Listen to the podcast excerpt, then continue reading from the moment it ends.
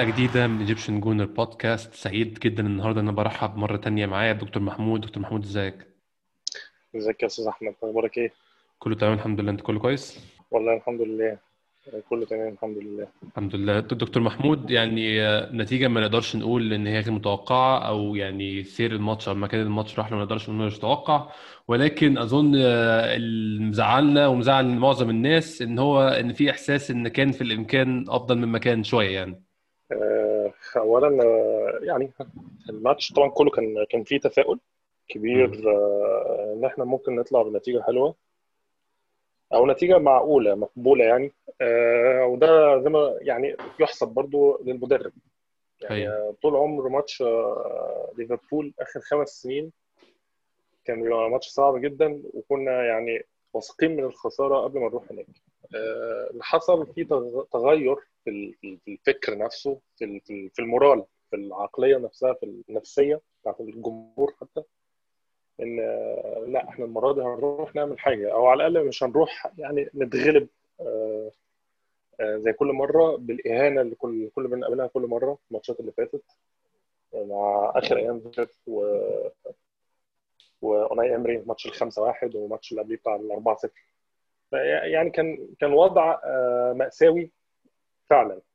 آه، الماتش ده لا كان المورال أو التوقعات مختلفة شوية. مش نوع من التفاؤل ومش نوع من إن إحنا آه، جمهور آه، يعني ماشي بالفعل وردة الفعل. لا هو نوع من من ان فعلا أرسنال اتغير آخر تسع شهور اتغير كتير. بقينا بنشوف فريق منظم بقينا بنشوف فريق بالانسد بقينا بنشوف فريق متزن. فريق ما بيخسرش حتى لو في فرق أحسن منه ما بيخسرش بسهولة يعني. كان بيبقى ماسك نفسه لحد آخر لحظة آه، بيحاول يقلل من الأخطاء بيحاول يحد من من اللعب زي ما نقول بلاش يعني نقول الكلمة اللعب العبيط يعني. كان بيحاول نعم. يحد قوي من ده ده ده مع ميكيل أرتيتا. الراجل آه، يعني بيقابل فرق أقوى منه ومع كده الفرقة بتفضل متزنة وثابتة للآخر. تخسر بفروق بسيطة. بن compete يا دكتور على إحنا كنا في ماتشات كتير جدا من الحجم ده من النوع ده بندخلها.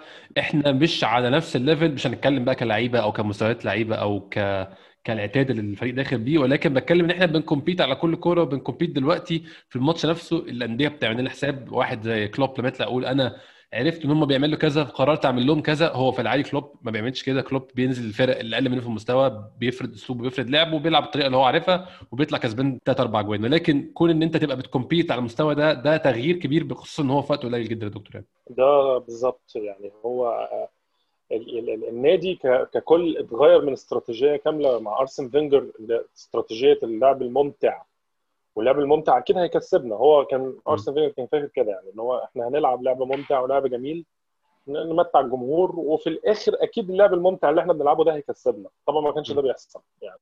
أيوة. حصل يعني آه، نوع من الكفر بالاستراتيجية دي يعني. خلاص إحنا مش مش لازم إن إحنا عشان نلعب بشكل جميل ونلعب آه، آه، بشكل ممتع إن إحنا هنكسب. الاستراتيجية دي بقى اتنقلت ان دلوقتي الهدف بتاعنا إن إحنا نفوز حتى لو إيه؟ يعني حتى لو عملنا خطط مملة أو خطط مش مش ممتعة للجمهور إحنا هدفنا إن إحنا لازم نكسب بأي شكل. آه لو مش هنكسب يبقى ما نخسرش بإهانة أو ما نخسرش بفضيحه هو ده الهدف بتاعنا. هو ده دلوقتي أرتيتا بقاله سنة كاملة وداخل على الموسم الثاني أهو بيحاول يزرعه في اللعيبة بتاعته. مش مهم إحنا إحنا انت هتقابل فريق أقوى منك. يعني هم دلوقتي لعيبة كانوا متأكدين إن هم هيقابلوا الفريق الاقوى منهم بكتير. وفريق آه يعني في بيننا في بيننا وبينه bad blood يعني تصريحات عنيفة جدا من م. من يورجن كلوب وتصريحات من كل اللعيبة إن الماتشات اللي فاتت مش هتعدي. يعني أرسنال كسبنا ماتشين آه كسبنا ماتش الدوري وماتش الدرع الخيرية الماتشات دي مش هتعدي. آه إحنا هنوريهم بقى الوش الثاني كان في تحفز جامد جدا منهم.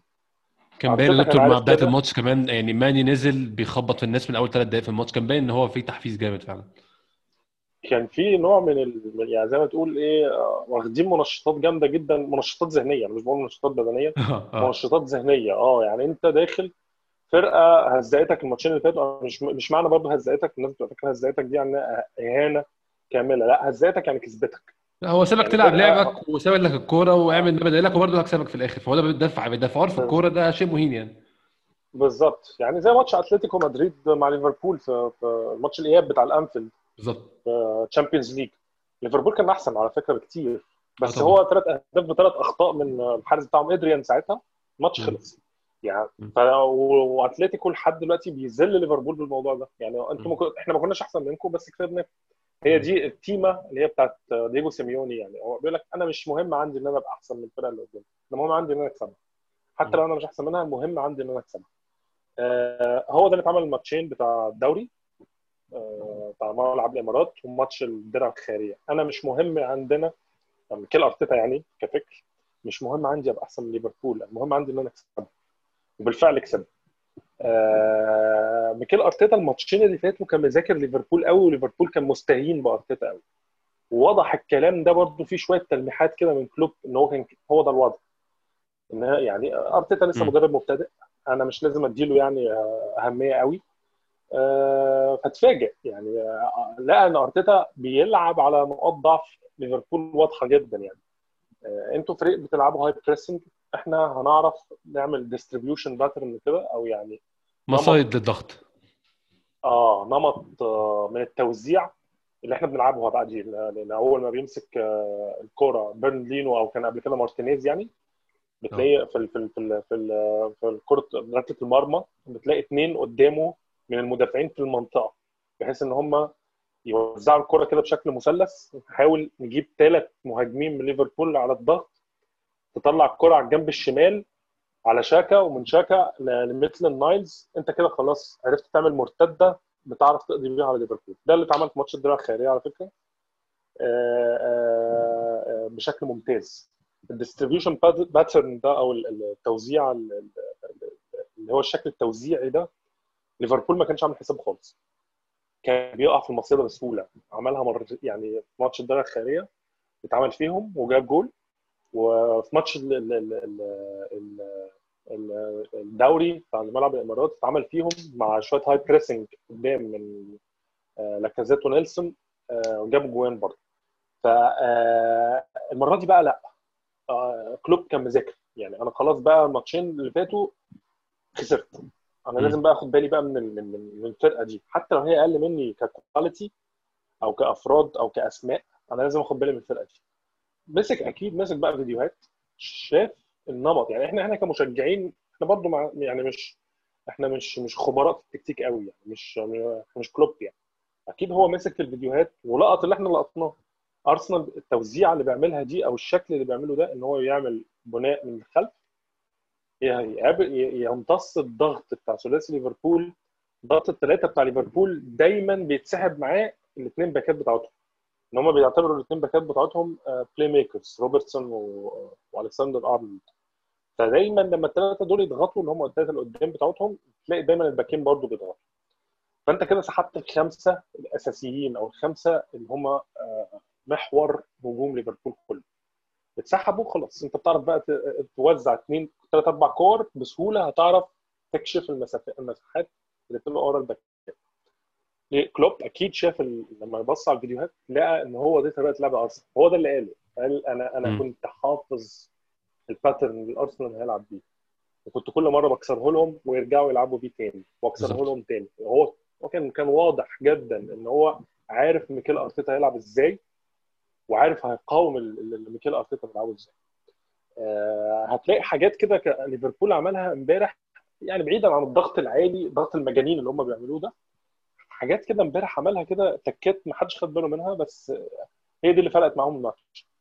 يعني آه، زي مثلا حتة فيرمينو يعني فيرمينو تقريبا كان مرمي في وسط الملعب إن هو يقفل على جرانيت شاكا بأي شكل ممكن ال pattern بتاع أرسنال إنك أنت الباصة مثلا بتبقى لديفيد لويز ديفيد لويز اللي هو كان بيبقى جنب الحارس آه يبصيها لحد من المحاور اللي بتسقط في المنطقة سواء النني أو سيبايوس.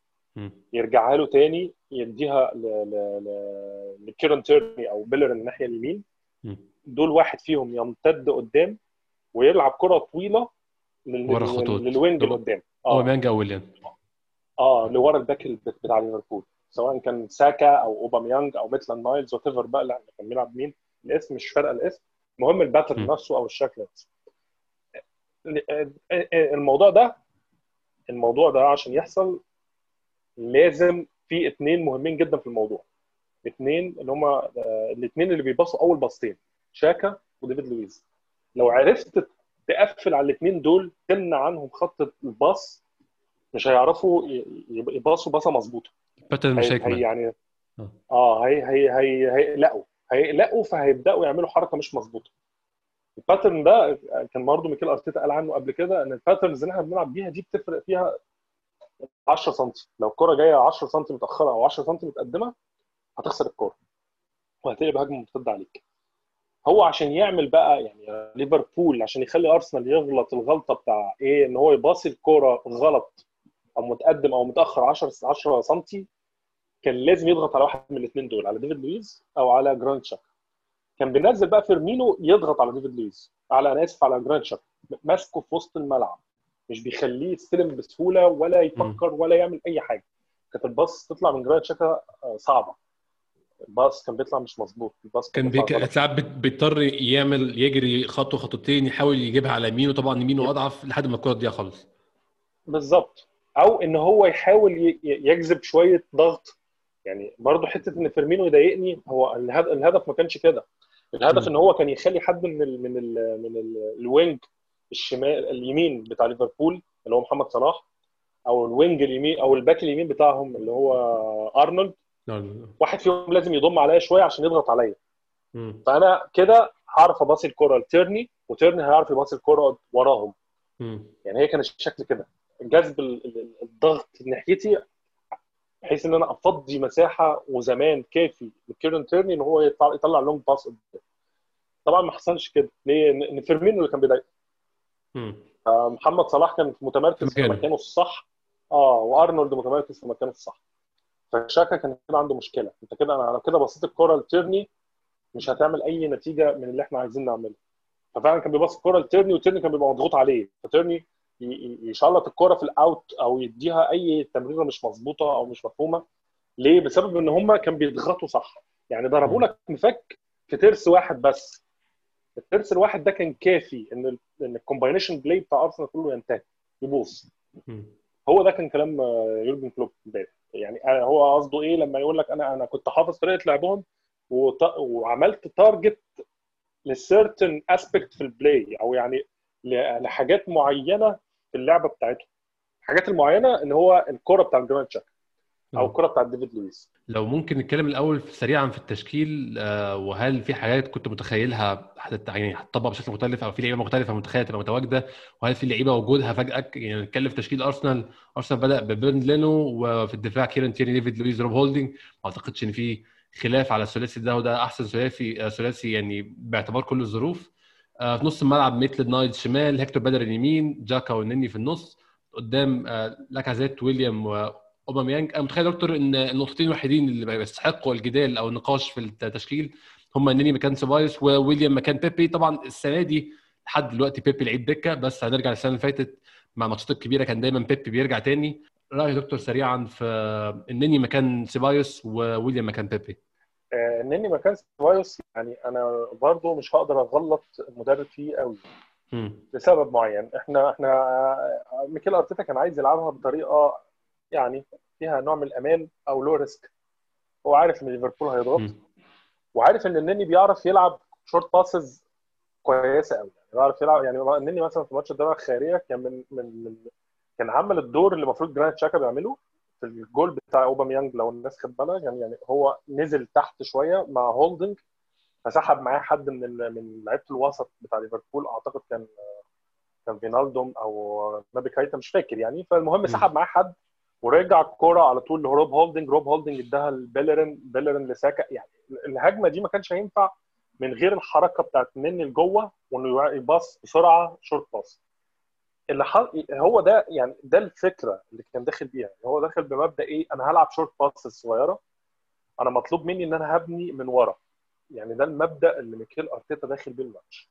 أنا مش. مهم عندي لاعب الوسط يلعب كور fancy أو كور جميلة أو كور through balls بقى والكلام ده للمهاجمين قدام. أنا عايز ألعب بالطريقة بتاعتي المعتادة بتاعتي اللي أنا مدربهم عليها بقالي فترة. ده الكلام اللي هيكتور بيلرين لسه قايله برده من حوالي ساعة. آه. بنتدرب على الكورة دي كل يوم كل أسبوع من ساعة ما ميكيل أرتيتا جه.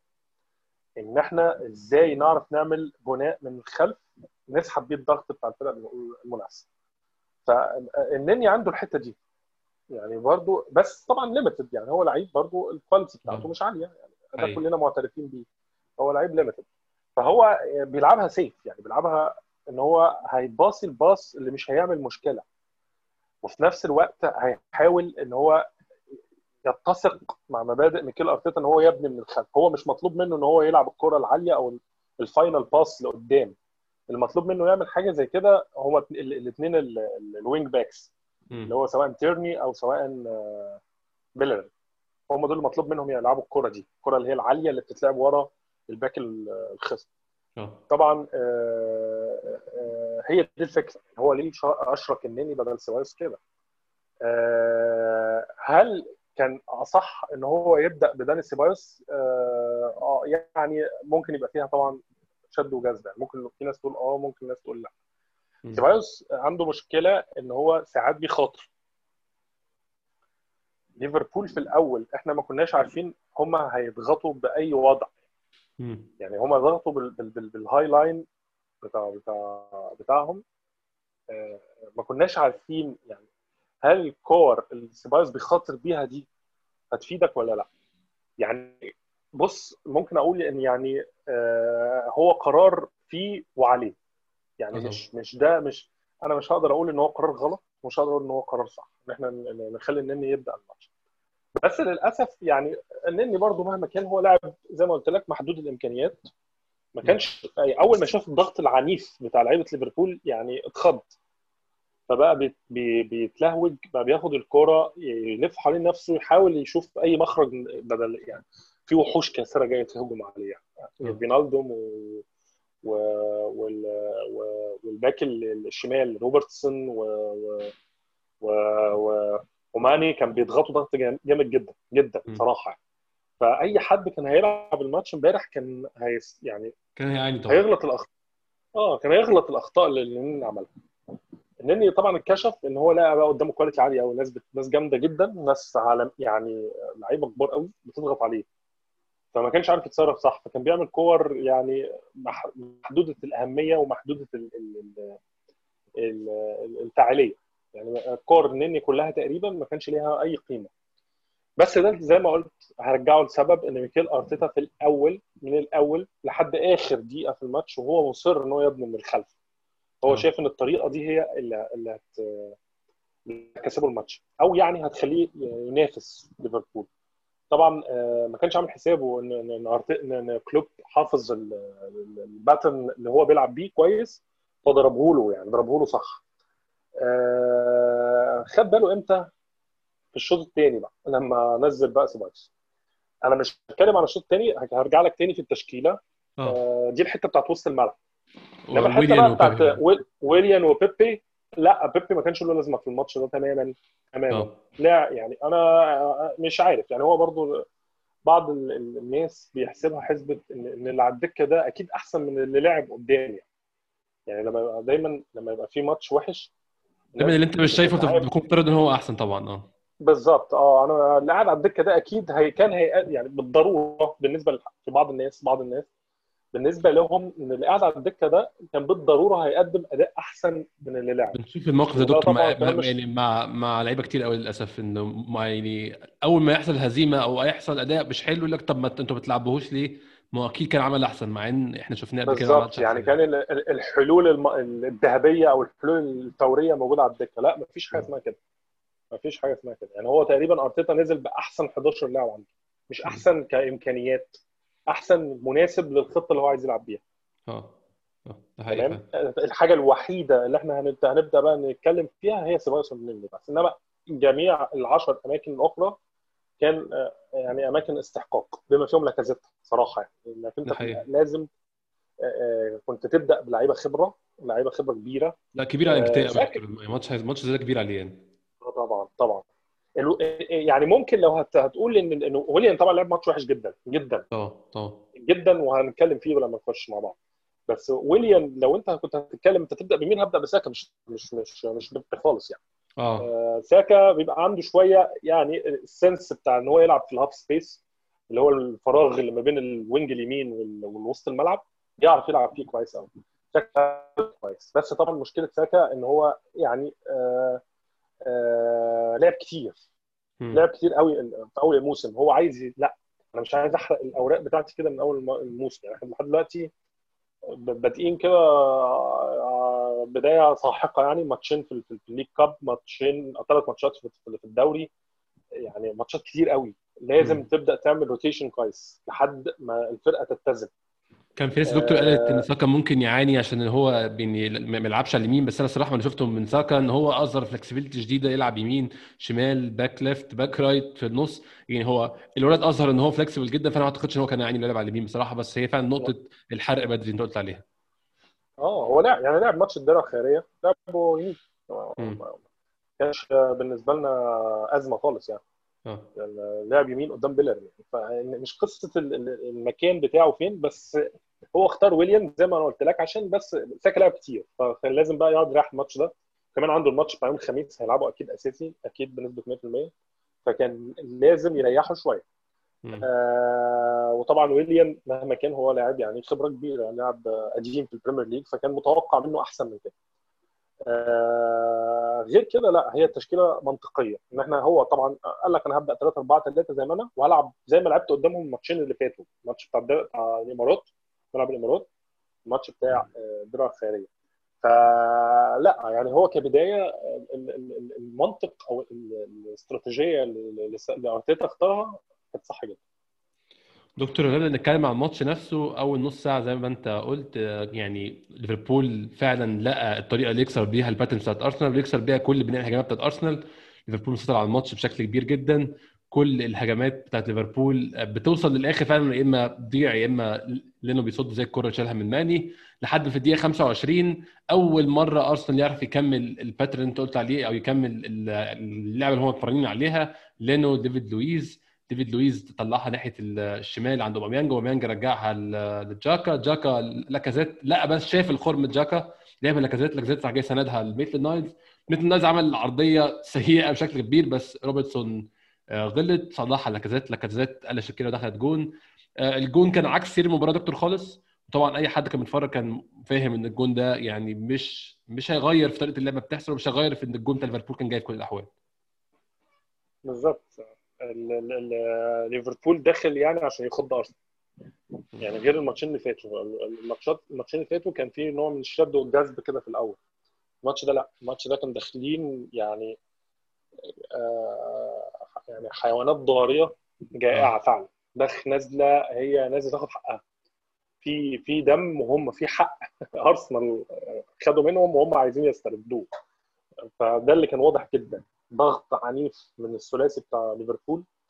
ال- الحتة بتاع إن فيرمينو يسقط دي يضايق شاكا دي صراحة أنا يعني كانت مرعبة صراحة. يعني كلوب ده مدرب عظيم صراحة يعني إن هو ينزل يضايق شاكا كده بيكسر. اللعب خالص بتاع أرسنال أرسنال ما كانش عارف يدور الكورة. فكنا بنضطر نعمل نباص نباص باصات مش مظبوطة إن إحنا نحاول لأ هتلاقي كل الباصات اللي إحنا باصيناها امبارح يعني الباص الحلو اللي, اللي أنت تلاقي إن اللعيب بيباص ال- ال- ال- التمريرة لزميله وزميله مش متضايق أو مش مراقب أو يعني هيعرف يتصرف بيها صح بأريحية. إحنا ما كناش كده امبارح أصلا. كانت كل الباصات هتلاقي مستقبل الباص كان تحت ضغط عنيف فكان بيعمل الغلط. هو ده ده ده, ده ال high pressing بقى حاجة كده اللي هو اخترعها يورجن كلوب من أيام دورتموند حاجة اسمها ال gegenpressing وقعدوا يتكلموا فيها كتير قوي وكان بيقولوا إن هو ده من أكتر الحاجات اللي بتعرف تقاوم التيكي تاكا بتاعت آه، جوارديولا. يعني ال gegenpressing بتاع بتاع بتاع ليفربول ده إن هو بيخلي اللعيب مش مش مستريح. وهو بيعرف يعني هو وهو بياخد الكورة هتلاقي في اثنين اثنين ماسكينه أو اثنين متحفزين له. فلازم يتصرف قبل ما الكورة تجيله. يعني لازم يفكر أنا هعمل إيه قبل ما الكورة تجيله. مش كل اللعيبة عندها الملكة دي. في لاعبين بيح- لما ياخد الكورة لازم يبص قدامه يشوف مين موجود عشان ما ما يضيعش الاستحواذ. آه فما هتلاقي اللعيبة اتخض امبارح. هتلاقي آه شاكا كان بيعمل تمريرات غلط كتير. هتلاقي تيرني كان بيعمل تمريرات غلط كتير. القرارات كلها يعني في قرارات مش كلها أنا آسف يعني في قرارات كتير كانت غلط في الدفاع. خط الشكل الدفاع كان بينفرط. ليه؟ ان ان ان إن الباصات اللي إحنا بنعملها غلط فاللاعب اللي بيستلم الكرة بيستلمها مش مستريح فبتلاقيه بيعمل حاجة غلط. حط الكرة في الأوت أو حط الكرة في نص الملعب. ليفربول استعد الاستحواذ وبدأ يهاجم بسرعة. يعني كان ماتش كان فيه نوع من الضغط. العنيف موضوع يعني. موضوع انفراد يا دكتور شكل الدفاع ده إحنا ما شفناهوش كتير شفناه في ماتش أو اتنين بكتير.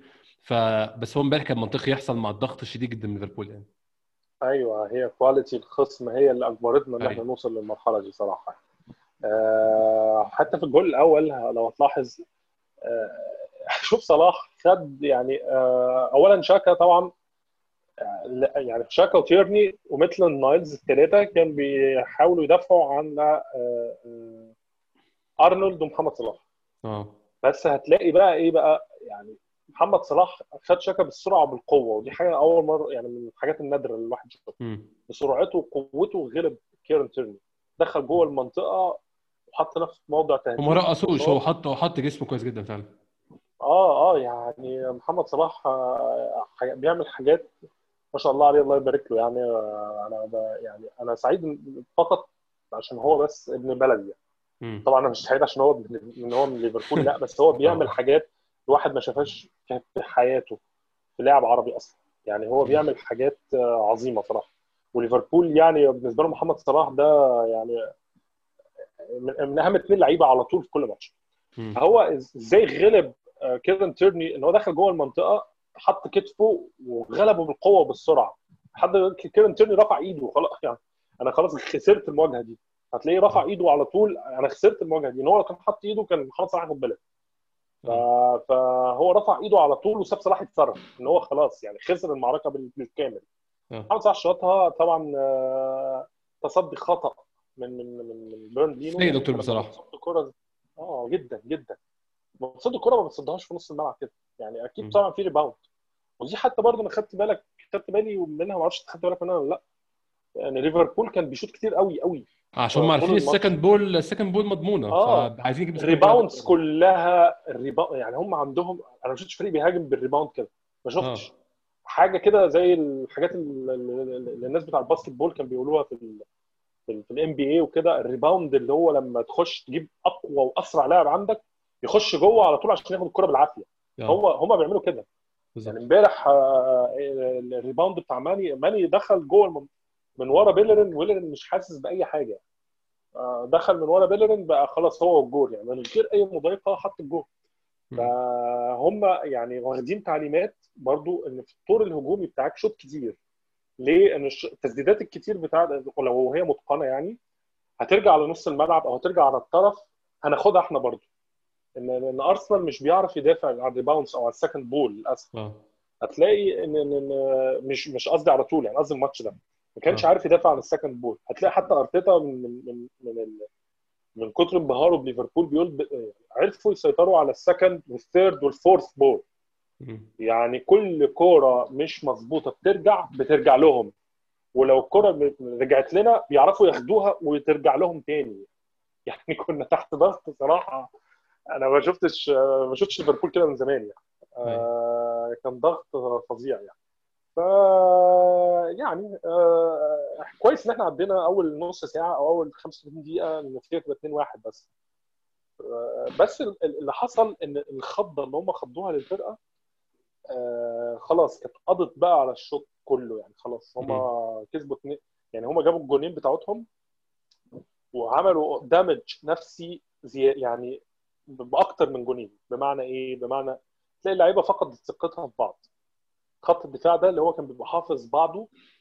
إحنا عندنا خط الدفاع اليومين دول بقى, بقى هو أهم حتة في في, في, في البناء دلوقتي. فعلا. خط الدفاع اللي كان حافظ بعض وحافظ أماكن بعض بقوا فاقدين الثقة في بعض. هتلاحظها قوي مع هيكتور في الجول يا دكتور كمان. الجول التاني بان فيه آه. قوي إن في عك حصل وفجأة بقى آه، روبرتسون جوه المنطقة وويليام اكتشف إن هو دي كانت مهمتي أنا فجأة صح يعني؟ بالظبط. آه يعني هو هو أنا بقول بقى إن ويليام اخطائه سيبك من اخطائه الهجومية إحنا ما كناش هن...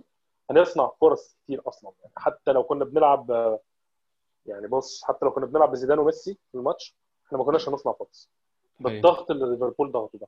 فكان لازم بقى الحتة الثانية بقى حتة الطور الدفاعي بقى إنك ما تغلطش كتير. آه ويليام غلط. غلط أكتر من مرة إن هو ساب آه روبرتسون يسرح من وراه. أوه. انت المفروض انك انت track روبرتسون يعني تجري معاه ما تسيبوش خالص يجري ويخش. ان هو ده ده ليفربول. إحنا إحنا بقالنا أربع سنين بنشوفهم بالطريقة دي. آه حد من الكوره من اليمين الشمال ومن الشمال لليمين على طول. هي الكوره رايحة كده في ليفربول وحد من ال back ات عندهم سواء اليمين أو الشمال يعني واحد بيريح شوية على الجنب الثاني بيخش جوه المنطقة. حقيقي هتلاقيهم back ات direct قوي يعني مش مش مش ال back ات التقليديين اللي إحنا عارفينهم. اللي بي بي بي بي بي بيعمل عرضية أو بياخد الخط ويجري ويعرض. لا في هم مش بيعملوا كده.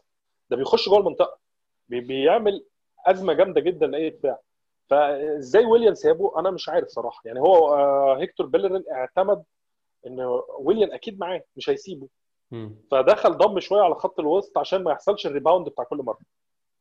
اللي حصل إن هو لقى هيكتور بيلرين التفت لقى على بعد 3 متر منه روبرتسون منفرد بجول بيجيب جول. فيعني كانت غلطة رهيبة صراحة من الاثنين يعني انت يعني لو لو لو انت حسيت إن ويليام فعلا ما كانش هيعرف يلقط ال run أو ال sprint بتاع روبرتسون انت كنت المفروض ما تسيبش مكانك. هي كانت غلطة مشتركة بين الاثنين بس طبعا الخطأ الأكبر على ويليام. هو دكتور هو بيلرين لمح ماني داخل جوه منطقة فبدل ما يسيبه للويز وهولدنج راح معاه على أمل إن ويليام مغطي ورا روبرتسون. بس فعلا هو فجأة لف لقى اللي هو افترضه ما حصلش خالص يعني. آه خطأ فادح. والخطأ الفادح ده للأسف اللي عمل ويليام يعني خلى بيلرين يفقد الثقة في زميله إن هو يغطيه. يعني دي برضو من الحاجات اللي الواحد يعني لاحظها بقى بعد كده.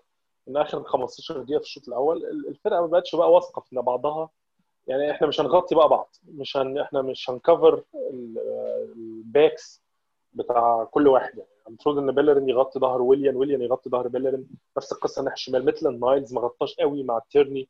الانطلاقة بتاعت محمد صلاح دي محمد صلاح كله بالسرعة وبالقوة. ما يعني أنت المفروض تساندني. لما دايما ودي برضو من الحاجات اللي الواحد بيشوفها يعني بيسمع عنها برضو في... أنا مش بتابع basketball على فكرة. بس. بسمع عنها كتير. يعني إن هو لما بيلاقوا لعيب تقيل بي بي بي بيدافع عليه اثنين آه. انت كده محمد صلاح لعيب تقيل قوي. فانت كنت المفروض يا ميتلاند نايلز تجري معاه. انت الاثنين لو جريتوا مع محمد صلاح طبعا هيبقى في ثغرة بس هتعرف تاخد الكوره منه إن مهما كان اثنين على واحد صعب إلا لو كنت ليونيل ميسي يعني. اثنين على واحد صعب جدا. فكان كنا هنعرف ناخد منه الكوره أو هنضايقه مش هن... مش هيعرف يشوط الكوره واحد معاه وواحد بيقابله واحد بيجري معاه وواحد يقابله بالظبط. آه يعني مش هنعرف نشوط الكوره بالأريحية اللي شاط بيها الكوره في الجول الأول دي. فبعد كده هتلاقي بقى الشوط الأول كله بقى كده خلاص بقى. يعني إحنا ما بقناش واثقين في بعض فما بقناش بنعرف نباصي الكوره لبعض صح. تلاقي التمريرات كلها زي ما بتقول بتقال اللي هي تمريرات الموظفين بقى. محمد النني طبعا مرتعش مش يعني لا قدامه بقى levels من العمالقة يعني بتلعب. فبقى مرتعش بقى بيحاول يهد يلعب كرة بسيطة قوي غير مفيدة بالمرة. جرانيت تشاكا بقى بيغلط كتير إن هو جرانيت من النوع اللي بيحاول يخاطر شوية مش بيلعبها safe قوي. غير زيه زي يعني في شوية من سيبايوس ويمكن هو ده برضو من الأسباب اللي خلى ان سيبايوس يقعد والنني يقعد ينزل. ان, إن هو عايز واحد يلعب safe واحد يلعب مخاطرة شوية. تلاقي ان ان الكورة بتاعت جرانيت تشاكا كان فيها مخاطرة اللي هي اللي اداها لميتلاند نايلز في ال في ال في الجول بتاع لاكازيت. آه. هتلاقي فيها مخاطرة شوية من جرانيت تشاكا. يعني كان كان ممكن الكوره دي تتقطع. الكوره دي تتقطع والفرقة لسه مش منظمة. يعني الفرقة مش مش منظمة دفاعيا أو ما رجعوش للشكل الدفاعي المنظم. فكانت هتقلب مرتدة علينا بس هو خاطر ولعبها صح. فراحت جابت جول أو عملت خطورة على ليفربول قصدي يعني. النني ما عندوش القصة دي النني بيلعبها سيف قوي. آه سيبايوس عنده الحتة دي فهو ما رضيش يلعب باثنين المخاطرة يعني. بس طبعا كان كان هو هتلاقي برده في الشوط الثاني إن لما لما قرر يسحب حد من الاثنين سحب شاكا ما سحبش النني آه. إن هو كان لازم يلعب بواحد آه بيبسط الأمور قوي. وما عندوش حد للأسف حاليا بيبسط الأمور غير محمد النني دكتور يعني عايز أتكلم موضوع النني ده خصوصا الشوط الثاني أرسنال نزل الشوط الثاني أول 20 دقيقة بالظبط الشوط الثاني أرسنال كان أحسن كتير. أرسنال بدأ يعمل الباترنز اللي قلنا عليها دي أكتر بدأت توصل لمرحلة متقدمة أكتر من الشوط الأول. بس أنا الحاجة الملحوظة اللي أنا لاحظتها إن النني بان بقى مشكلته في في القصة دي النني مش بيبدأ أو مش مش هيبدأ اللي كان مش بيتمركز صح في خلال ال pattern ده. يعني تلاقي الكورة مع ديفيد لويس أو الكورة مع هولدنج أو الكورة مع آه مع آه تيرني. بيبقى عايز حد يقرب له عايز حد ينزل له النني واقف مستخبي ورا لعيبة ليفربول. أظن هو خايف إن هو لو نزل عن كده هيستلم هيجي يلف هيلاقي حد فيهم في ظهره هتكون تقطع منه تبقى جون. ما ما مش مش بيسهل الأمور على خط الدفاع في بداية الهجمة. أنا ما أعرفش شفت الموضوع ده يا دكتور؟ أيوه كان واضح جدا. إن هو للأسف زي ما قلت لك محمد برضو لاعب محدود. واللعيبة اللي قدامه دي يعني تتفوق عليه بمراحل. يعني هو اتخض. خاف. خاف ان ان ان زي ما أنت قلت هو هيعمل غلطة. يعني هو في دماغه هو هيعمل غلطة. دي برضه نوع من إيه؟ من انعدام الثقة بالنفس آه. هو في دماغه هو هيعمل غلطة هيعمل غلطة وهيكلف فريق. هو مش عايز يعمل الغلطه دي ابدا ابدا. فكان بي بي بيستخبى. بعيد مش عايز ينزل مش عايز يستلم مش عايز يشارك في الشكل بتاع البناء من الخلف ده خالص. فكانت المسؤولية كلها على جرانيت شاكا وجرانيت شاكا كان بيغلط. يعني عايزين نوصل برضو لحتة اللي إيه أي حد كان هيلعب في الماتش ده كان هيغلط طبعا من كتر الضغط طبعا آه. آه. ال- ال- الوحيدين اللي أنا أتوقع إن هم مش هيغلطوا في, في, في, مواقف زي دي ناس بالكواليتي بتاع تشافي وإنيستا. دول فعلا يعني عباقرة. يعني وحريفة كمان غير إن هم غير التفكير هم حريفة يعني هو حريف كورة فهيعرف حتى بعد ضغط يرقص يعني. يعني هو واثق من إمكانياته بمهاراته العالية وفي نفس الوقت عقليته عقل واحد عبقري. فبيعرف يفكر صح قبل ما ياخد الكورة وما بيقعش في الضغط.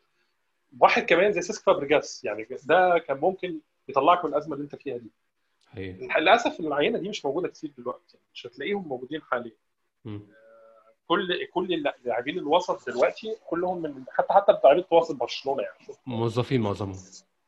مش موظفين على قد ما هم يعني بدنيا بقوا بيركزوا في حاجات أهم بدنيا. هو إيه؟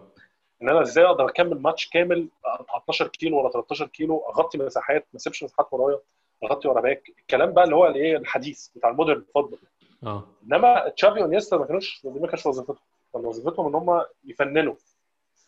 فكان لما يضغط عليهم الضغط العنيف ده كان بيعرفوا يتصرفوا بيعرفوا ينقذوا فرقتهم يعني يعملوا حاجة زي bail out يعني إنقاذ الفرقة من من, من أزمة. دلوقتي آه إحنا ما عندناش العينة دي وللأسف العينة دي مش موجودة كتير بره يعني مش مش هتلاقيها كتير بره. إزاي تعرف تنقذ فريقك من أزمة الضغط اللي ليفربول ضغطوا عليك؟ آه فكان إيه بقى الحل؟ إنك أنت يعني آه ما اعتقدش إن كان في حلول يعني. من الماتشات اللي مش شايف لها حلول إمبارح ما شفناش حلول الماتش إمبارح. ما كانش في حل فعلا. الفرقة قدام بتضغط بعنف تعرف تكسر كل حاجة أنت بتعملها. فهتلاقي إن شاكا كان بيخ... يعني إيه كان بي... واخد بقى الموضوع على صدره. بياخد ال pass من لويز يرجع ال pass للويز يرجع ال pass لتيرني. كان بيشارك كتير قوي في الهجمة فكان بيغلط كتير. غلطاته الكتير دي بقى خلاص يعني خلاص كانت بدأت بقى إيه هت... هتضيع الفرقة. هتساوي جون كمان. بقى لازم يتسحب. آه كان لازم يتسحب. فسحبه ونزل سيبايوس فعلا سحب ونزل سيبايوس بعد يعني هو اداني ربع ساعة يحاول يتدارك الموقف بس للأسف فعلا ما فيش.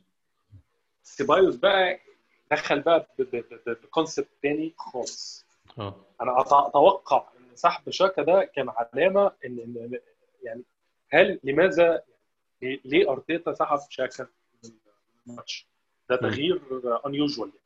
مش خالص. ليه سحبه؟ لأن الثقة انعدمت في البناء. بقى لعيبة الوسط لعيبة الدفاع اللي المفروض إنها بتباصي للمحاور آه. عشان تبني الكورة بشكل متدرج ما بقوش يعملوا كده. هتلاقي إن ديفيد لويس بقى بيطلع قدام كتير وبقى بيعمل long balls كتير قدام. آه. عملها كذا مرة. إن هو فقد الثقة في الاثنين اللي قدام. هم مش هيعرفوا يتصرفوا خلاص.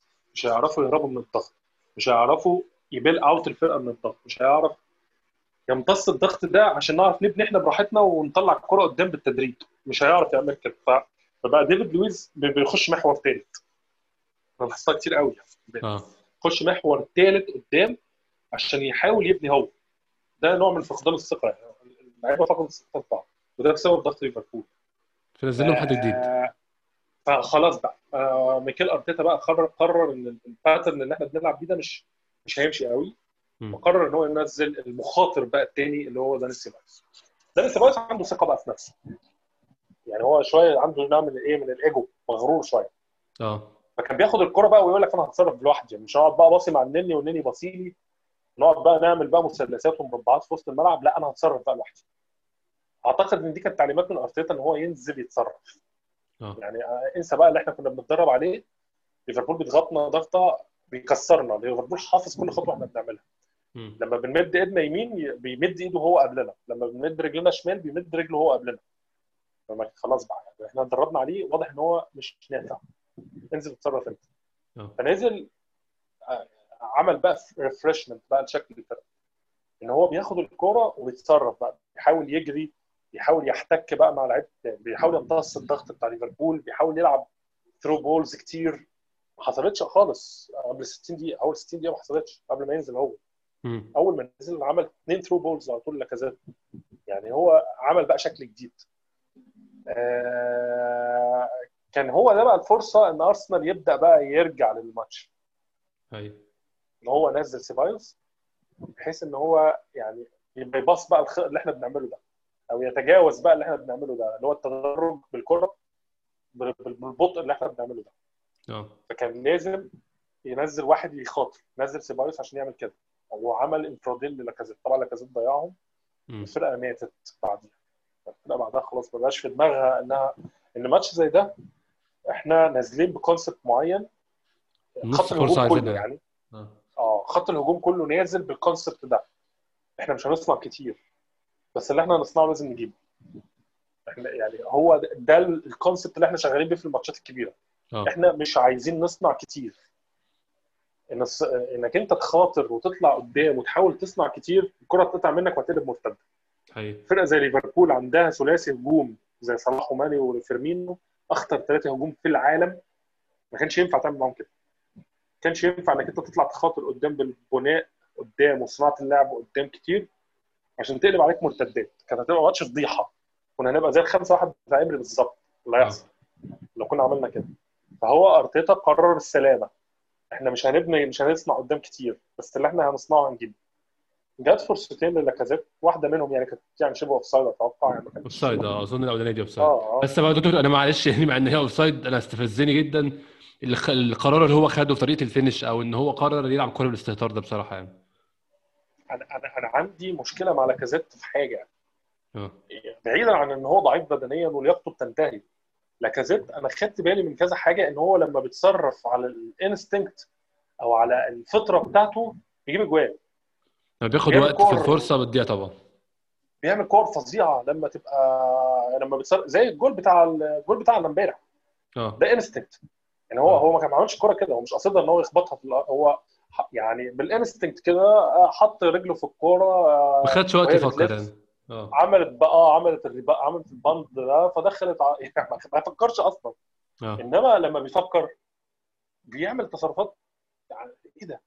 يعني أنت أنت أنت كان عندك فرصة إنك أنت تاخد أليسون على جنب دي بس هو طبعا عشان مش واثق في إن سرعته هتكس- هتكسبه واحد زي أليسون.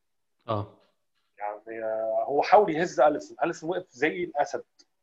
يعني آه، الكرة بتاعت بتاعت آه، بتاعت الانفراد دي يعني مش أنا موافق فجد جدا ان المهاجمين كتير مش هيعرفوا يجيبوا آه. بس يعني أنت كان في تصرف أحسن من كده. في كذا تصرف أحسن من كده. تحاول آه تحاول تخش تاخده يمين تاخده شمال تحاول تترقصه بسرعتك. يعني كان في تصرفات كتير. بس هو هو قرر إن هو هيهز أليسون. مم. هيبقى انفراد 1 تو 1 أنا مش هتحرك وأنت مش هت... وأليسون ما اتحركش.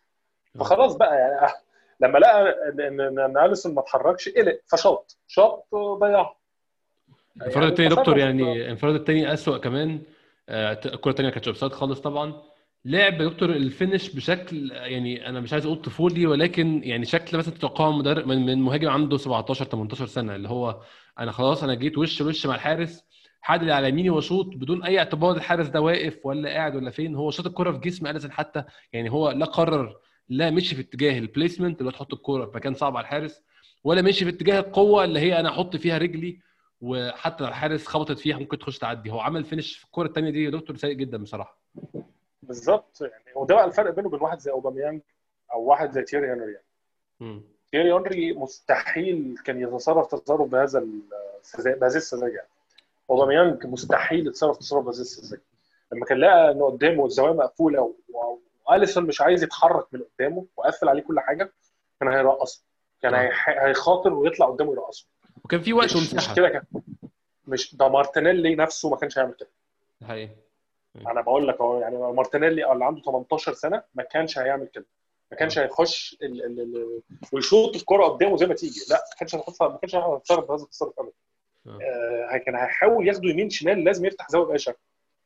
يعني المهاجم اللي بيسمح لنفسه إن هو آه، يتنمر عليه الحارس بيبقى مهاجم ضعيف.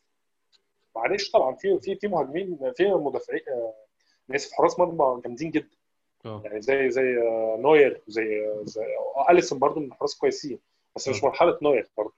طبعا. آه، كان لازم تتصرف. لازم تاخد يمين شمال لازم تعرف تجيب أي زاوية تشوط فيها أحسن من الزاوية اللي أنت شوط بيها دي. فلا هو تصرف آه، ساذج منه. آه، زي ما قلت لك بسبب إن هو فكر. لما ما بيفكرش بي- بيجيب جوان آه، دي دي من المشاكل اللي عنده. لما بيتصرف بالغريزة بتاعته بيجيب جوان إنما لما بيفكر بيبقى بيتخض وبيقلق وبي وبيحسبها بقى كذا حسبة كده فبتلاقي الكوره ضاعت. دكتور زي ما انت قلت فعلا بعد الفرصتين دول باين قوي إن يعني الروح في الفريق أو الفريق كله خلاص آمن الماتش ضاع وإن هم دول كانت فرصنا في إن إحنا نتعادل أو نعمل أي حاجة في الماتش وضاعوا. ففعلا حتى بعديها بثلاث دقائق تقريبا أرتيتا طلع ويلي ونزل نيكولاس بيبي ما شفناهوش ما ظهرش في الماتش غير في الكورنرات السيئة جدا اللي كان بيلعبها في الدقيقة 73 آه لاكازيت خرج ونزل انكتيا برضو دكتور كل الكلام ده يعني خلاص كان الماتش حتى حتى ليفربول قللوا gear كانوا يعني هم بيلعبوا على الرابع نزلوا للثالث والموضوع بقى تحصيل حاصل من بعد الفرصة اللي ضاعت دي آه كان خلاص بقى الفرقة بقى يعني آه، عارفين الماتش زي ده هي فرصة بتخلص الماتش أو فرصة بتدي لك. ال... ال... ال... الإمكانية إنك أنت تتنافس يعني. ماتش مثلا بتاع ليدز وليفربول بتاع أول. أول ال season آه ليدز يونايتد شاط ثلاث كور على المرمى وثلاثه جابهم جول ماتش آه. خلص 4 3 يعني ليدز يونايتد ما كانش مبهر قوي زي ما زي ما يعني كان زي امبارح خلص. فرصة يعني بس آه ثلاث كور بثلاث اجوال ومهاجمين يعني مهاجمين Championship مش مهاجمين كبار فده صراحة أنا لوم كبير كبير على لاكازيت إن هو إزاي تضيع كور زي دي؟ أنت ضيعت فرص فريقك إن هو يستعيد الثقة بالنفس. ف خلاص بعد بعد الكور دي بقى إحنا مش هنعرف نتصرف تاني مش هنعرف نجيب جول تاني. مش هنعرف نصنع حاجة تاني. فعلا لحد من الدقيقة 66 لحد الدقيقة 90 أرسنال ما شاطش ولا كورة على الجول خلاص. ما يعني آه ليفربول استحوذ تماما و- وقرر بقى إن هو يجيب الجول الثالث والرابع. وإحنا آه خلاص. بنحاول نعدي النص ساعة دي أو الثلث ساعة اللي فاضلة دي على على خير وخلاص. ده حقيقي فعلا يا دكتور. آه، لحد الجول الثالث في الآخر ال- آه، يعني في ناس قالت في لمسه يد أو في handball بس أنا برضو شفت إن هو مجرد تحصيل حاصل ما فكرتش فيه كتير يعني. هو كان زي ما أنت قلت الجول الجون كان جاي جاي في كل الأحوال يعني. آه يعني خلينا نفكر كورة بقى شوية يعني. هل فرقت يعني إن إحنا مثلا ده ده كان handball ولا لأ؟ ما فيش اي لا، فرق مش يعني. خلاص. آه آه فرقة ليفربول كانت مكتسحة بالطول بالعرض. بي بي بيعملوا هجمات آه، خارقة ما مش عارفين يخلوك تتنفس فخلاص يعني أنت كنت كده كده خسران الماتش. آه ما كانش هيفرق قوي الحاجة الوحيدة كانت هتفرق هو الجول بتاع لاكازيت. كان آه. هيفرق إنك أنت يعني ممكن في الآخر الله أعلم كنت تخسر 3 2 بس كان هيبقى اسمها حاولت وتعادلت. يعني جبت جول في الأول وبعد كده رجعت من من خسارة 2 1 بقت بقت 2 2 فدي كانت بالنسبة لنا يعني نوع من ال competition شوية بننافس شوية. بالظبط. آه ما أعتقدش إن ده يعني هو اظن دكتور يعني كان ساعتها أثر الخسارة كان هيبقى أخف شوية إن إحنا يعني أنت لما لما تخسر 3 2 من ليفربول هتحس إن أنت أقرب لليفربول أو إن أو مش هقول أقرب عشان إحنا مش أقرب إن الشغل اللي أنت بتشتغله في التمرين أو الشغل اللي أنت بتشتغله على مدار الموسم قربك شوية من ليفربول. بالظبط. كان هيفرق معانا شوية يعني حتى بعد كده الفروقات هيبقى في فعلا فروقات بس يعني قابلة لإن إحنا نشتغل عليها آه، مش هقدر أقول برضو يعني ماتش 3 يعني لما الماتش خلص 3 1 أو 3 2 ال- ال- العقلية فرقت أو يعني الحالة النفسية فرقت قوي يعني هم اللعيبة نفسهم يعني طلعوا بعد الماتش وقالوا إن إحنا خسرنا من فرقة أقوى مننا بكتير يعني. آه طبعا. بس في الآخر يعني برضو 3 2 اثرها أخف شوية. كان هيبقى زي ما زي ما قلت لك ماتش ليدز يعني. كان الماتش خلص 4 3 إن الليدز استغل الفرص بتاعته مش أكتر. يعني برضه ليفربول كان بيضغطهم بس هم لما كان بتظهر قدامهم فرصة كانوا بيجيبوها على طول. إحنا ما عملناش كده. فخسرنا 3 1 وكان باين شكلنا إن إحنا يعني خسرنا ب dominance يعني. خسرنا إن الفرقة قدامنا كسبانة وسيطرت علينا في كل حاجة.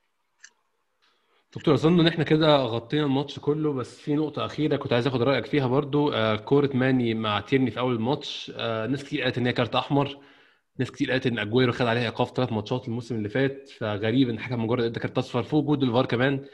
آه طبعا يعني إحنا مش هنقول إن إحنا كنا ح... يعني هنبقى أحسن من ليفربول أو كان أدائنا يختلف ولكن ليفربول هو 10 لعيبة كان فريق تاني طبعا دكتور. طبعا.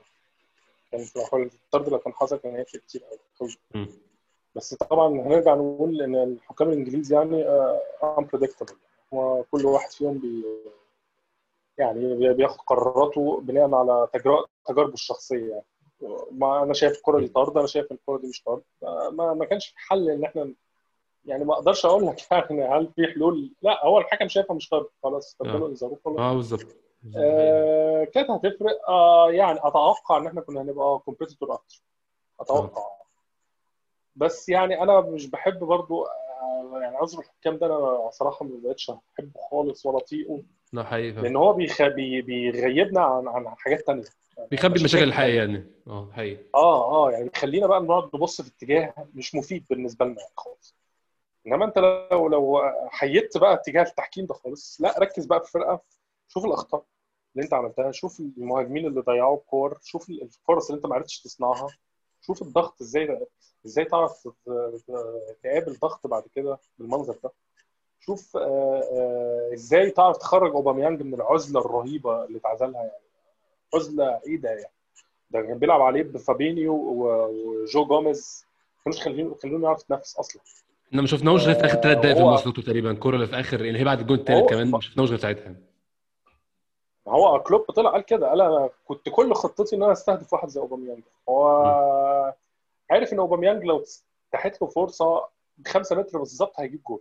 فهو كان مهم جدا بالنسبة له إن هو يلعب عليه رقابة لصيقة يعني ولعب عليه باثنين فبدون أي دعم طبعا من الأخ ميتلاند ميتلاند نايلز اسوء ماتشاته امبارح أظن.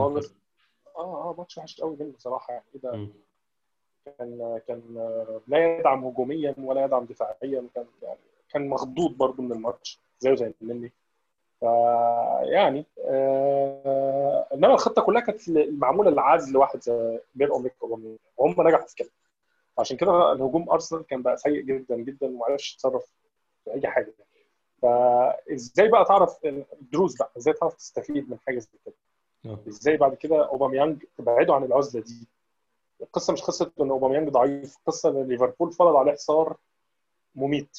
يعني أنا مش هقدر أقول أنا قريت كلام كتير قوي إن أوباميانج خلاص جدد بقى العقد وهيرجع بقى يدخل يدخل في دور اللي مش مهتم والكلام آه. زي كده أو آه ومش هيبذل مجهود. لأ أوباميانج اتفرض عليه عزلة فظيعة. م. يعني آه لا حد بيدعمه من ورا ولا واثنين قدامه. هو مش ماهر أصلا مش حدش قريب منه إن هو يباصي. فكان لا كان وأظن دكتور انت أنت شخصيا لما اوباميانج كان بيختفي في الماتشات الكبيرة بسبب خطأ منه كنت بتنتقده زي مثلا أفتكر ماتش توتنهام السنة اللي فاتت في في ملعب توتنهام كان أوباميانج مختفي بسبب إن هو مش بيشارك في, في, لعب أرسنال وكانت مشكلة من عنده. وساعتها أنت قلت فعلا أوباميانج غلطان في اللي بيحصل ده. كان امبارح ما أظنش دي غلطته خالص يعني. صحيح. لا لا أنا امبارح مش مش قادر اغلطه يعني امبارح الفريق كله خذله ما حدش معاه أصلا. مفيش لعيب يقرب منه إن هو ياخد منه ال pass أو يستلم منه أو يعني يلعب معاه pass سريع. مفيش حد مفيش back معاه overlap معاه.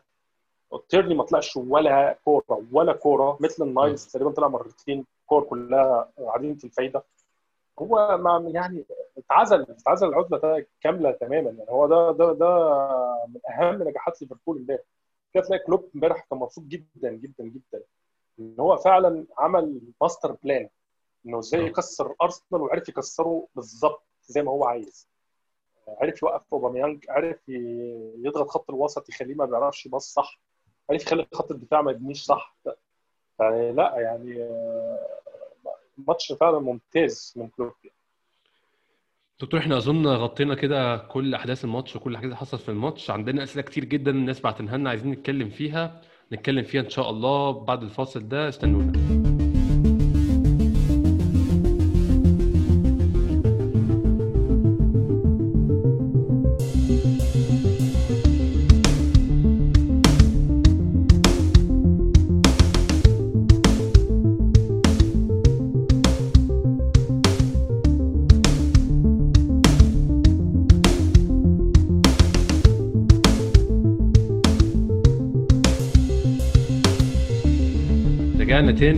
الفقرة اللي بناخد فيها الأسئلة اللي أنتوا بعتوها لنا على تويتر. دكتور محمود هنبدأ بأول موضوع أظن يعني الموضوع البديهي اللي لازم نتكلم فيه موضوع لاكازيت كنت عايز أقول بس حاجة في الأول إن موضوع الاختلاف وجهات النظر على لعيب ده يعني مش لازم ناخد فيه سياسة أو يعني نظرية الإقصاء إن هو أنت رأيك طالما أنت رأيك غيري خلاص يبقى إحنا مش هينفع نتكلم مش هينفع نتناقش. هو ممكن يكون ناس شايف لاكازيت لعيب كويس وناس شايفاه مش لعيب كويس. فلما اللي شايفه لعيب كويس يقول هو شايف لعيب كويس ليه؟ واللي شايفه لعيب مش لعيب كويس يقول هو شايفه مش لعيب كويس ليه؟ دكتور أنت يعني بتواجه الموضوع ده كتير جدا. لما بتكتب تويت ويجي لك حد بيحب الاجازات يقول لك أنت إزاي بتقول كده؟ أنا مش شايف الموضوع ما يستحق يعني الحزق ده كله. هو يعني ده مجرد رأي في يعني في لعيب كورة يعني. يعني بالظبط. أنا ما أعرفش مين لاكازيت أصلا يعني فما فيش اي وهو لاكازيت هو لاكازيت لو شافني دكتور أو شافك أو شاف الشخص بيدافع عنه ولا هنح... مش هنفرق معاه أصلا يعني. مش هيعرف مين دول أصلا ويتكلموا عنه إيه ومش فارقة معاه يعني. إحنا بنتكلم على مصلحة الفريق أكتر. بنتكلم كل واحد بياخد بي... بي... بي... عنده وجهة نظر معينة عن الموضوع يعني. وأنا أتوقع إن واحد زي لاكازيت ده عامل أصلا خلاف على مستوى النادي نفسه. على مستوى أعلى من بكتير ده حقيقي. آه آه يعني لما يتكلم ان ان, إن أرتيتا معجب بيه إنما المدير اللي فوق أرتيتا مش معجب بيه. فده يعني واضح ان ان ان, إن مش كله مقتنع أصلا بألكسندر لاكازيت في النادي. يعني مش في إجماع عليه زي واحد زي أوباميانج. كان في إجماع إن النادي كله لازم إحنا لازم نوجه طاقتنا ومواردنا كلها لتجديد أوباميانج. إنما لاكازيت لا واضح إن إحنا بنتكلم من ثلاث شهور اللاعب هيتباع ولا لا. واضح جدا مش محتاجة يعني حد من من من من, من رجالة الأنصار أو المشجعين أو يعني ال fanboys يطلع يتكلم يقول إن إحنا إحنا ضد لاكازيت شخصيا. لا لاكازيت إحنا بقالنا ثلاث شهور بنتكلم هيتباع ولا لا. أظن من أكتر من ثلاث شهور يعني أنا بتكلم عني نفسي أنا نفسي شخصيا برضه تاني بكرر إن يعني يا جماعة يا ريت نختلف بأسلوب أحسن من كده. نختلف بأسلوب يسمح لأي حد يقول رأيه في أي موضوع من غير ما يبقى فيه إقصاء مش معنى إن أنا مثلا بحب لعيب وأنت مش مش بحب لعيب بشكل شخصي بحب لعب لعيب وأنت ما بتحبوش معنى إن أنت ما بتفهمش وأنا ما بفهمش هو الموضوع كله يعني بيرجع في الآخر لآراء. حتى لو في أرقام ممكن أرقام دي أنا ما بتمثليش حاجة تمثل لك أنت حاجة أو العكس أنا عندي أرقام بتمثل لي حاجة تمثلكش حاجة فيبقى بس يعني بأسلوب الحوار أحسن شوية.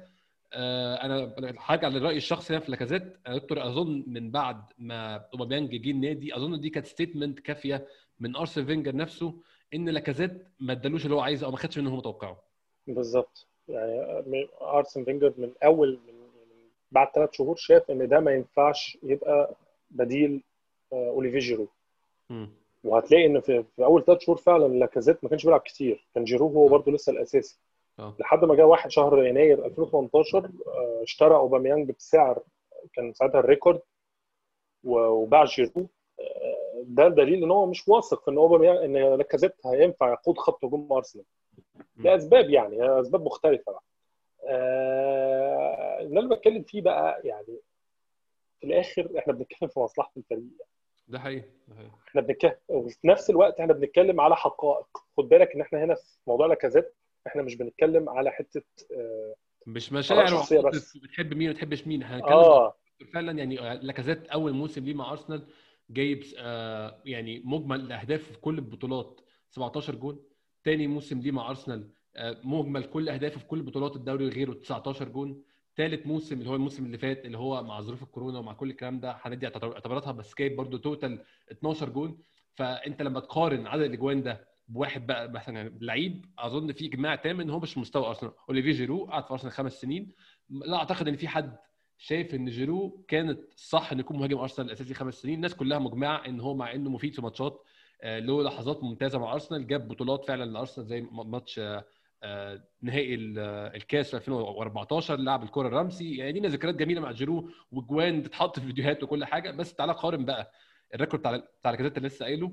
بال record بتاع جيرو اللي بدأ أول موسم ليه 12 13 ب 17 جون يعني نفس الرقم بالظبط اللي لاكازيت جابه في أول موسم ليه مع أرسنال برده ثاني موسم لأوليفيه جيرو 22 جون. يعني ده رقم لاكازيت حتى الآن ما وصلوش مع أرسنال. أرسنال يعني لاكازيت ما كسرش 20 جون مع أرسنال لسه. الموسم اللي بعده 19 جون إجمالي.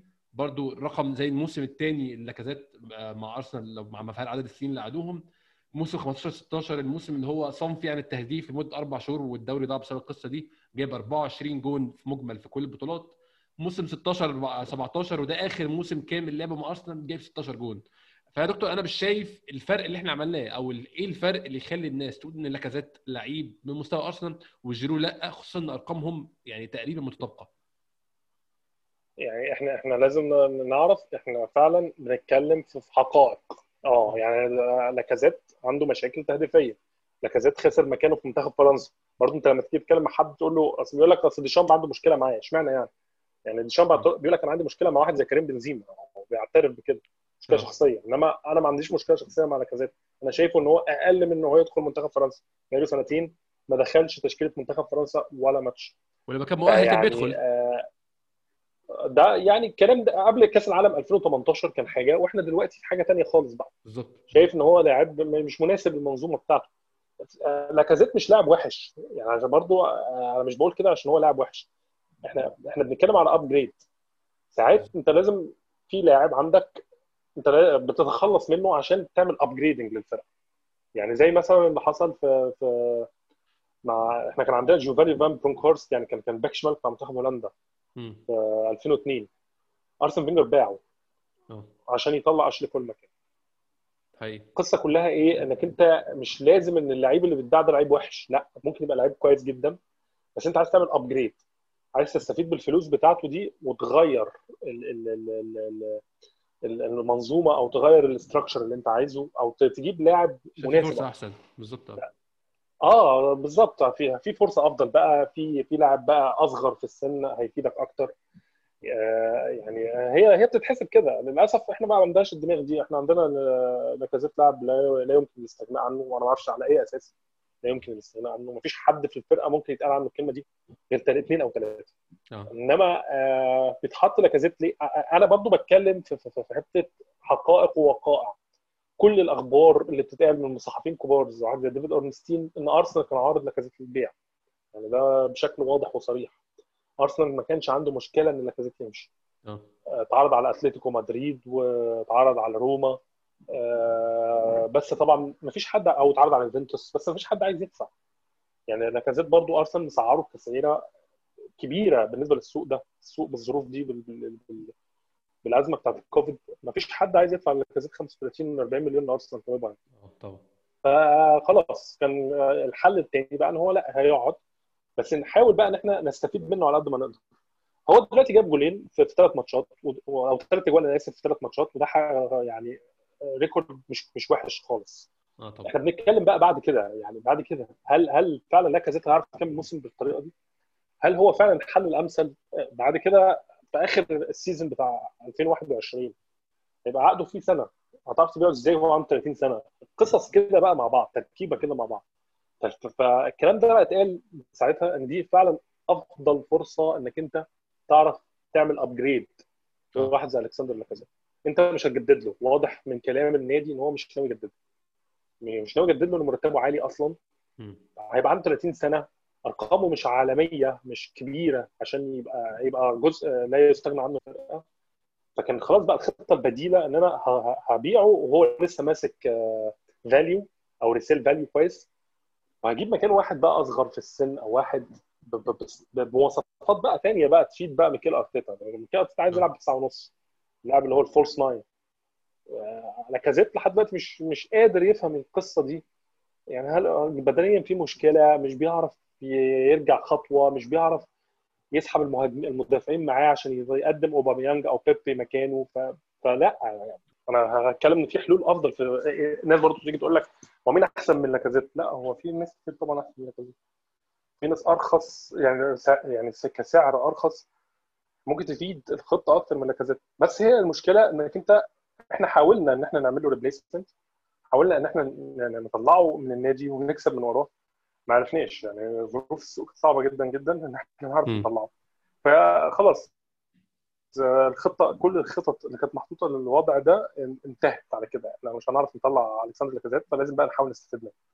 آه الجانب المقابل الناس اللي بتدافع عنه بتتكلم إن هو يعني يعني آه لاعب آه يعني خط الهجوم من غيره ما بينفعش. ما أعتقدش الكلام ده يعني. إحنا إحنا إيه الأرقام بتاع لاكازيت في الضغط؟ إيه الأرقام بتاع لاكازيت في الصناعة؟ إيه الأرقام بتاع لاكازيت في التهديف؟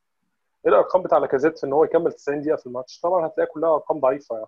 ف كان أنا كنت شايف إن طبعا وهتلاقي الرأي ده كان رأي برضو يعني من الآراء اللي أكيد اتناقشت في النادي حسب الكلام اللي اتقال ان ان كان في خطة حقيقية إن هو يمشي ونجيب مكانه لاعب أصغر منه.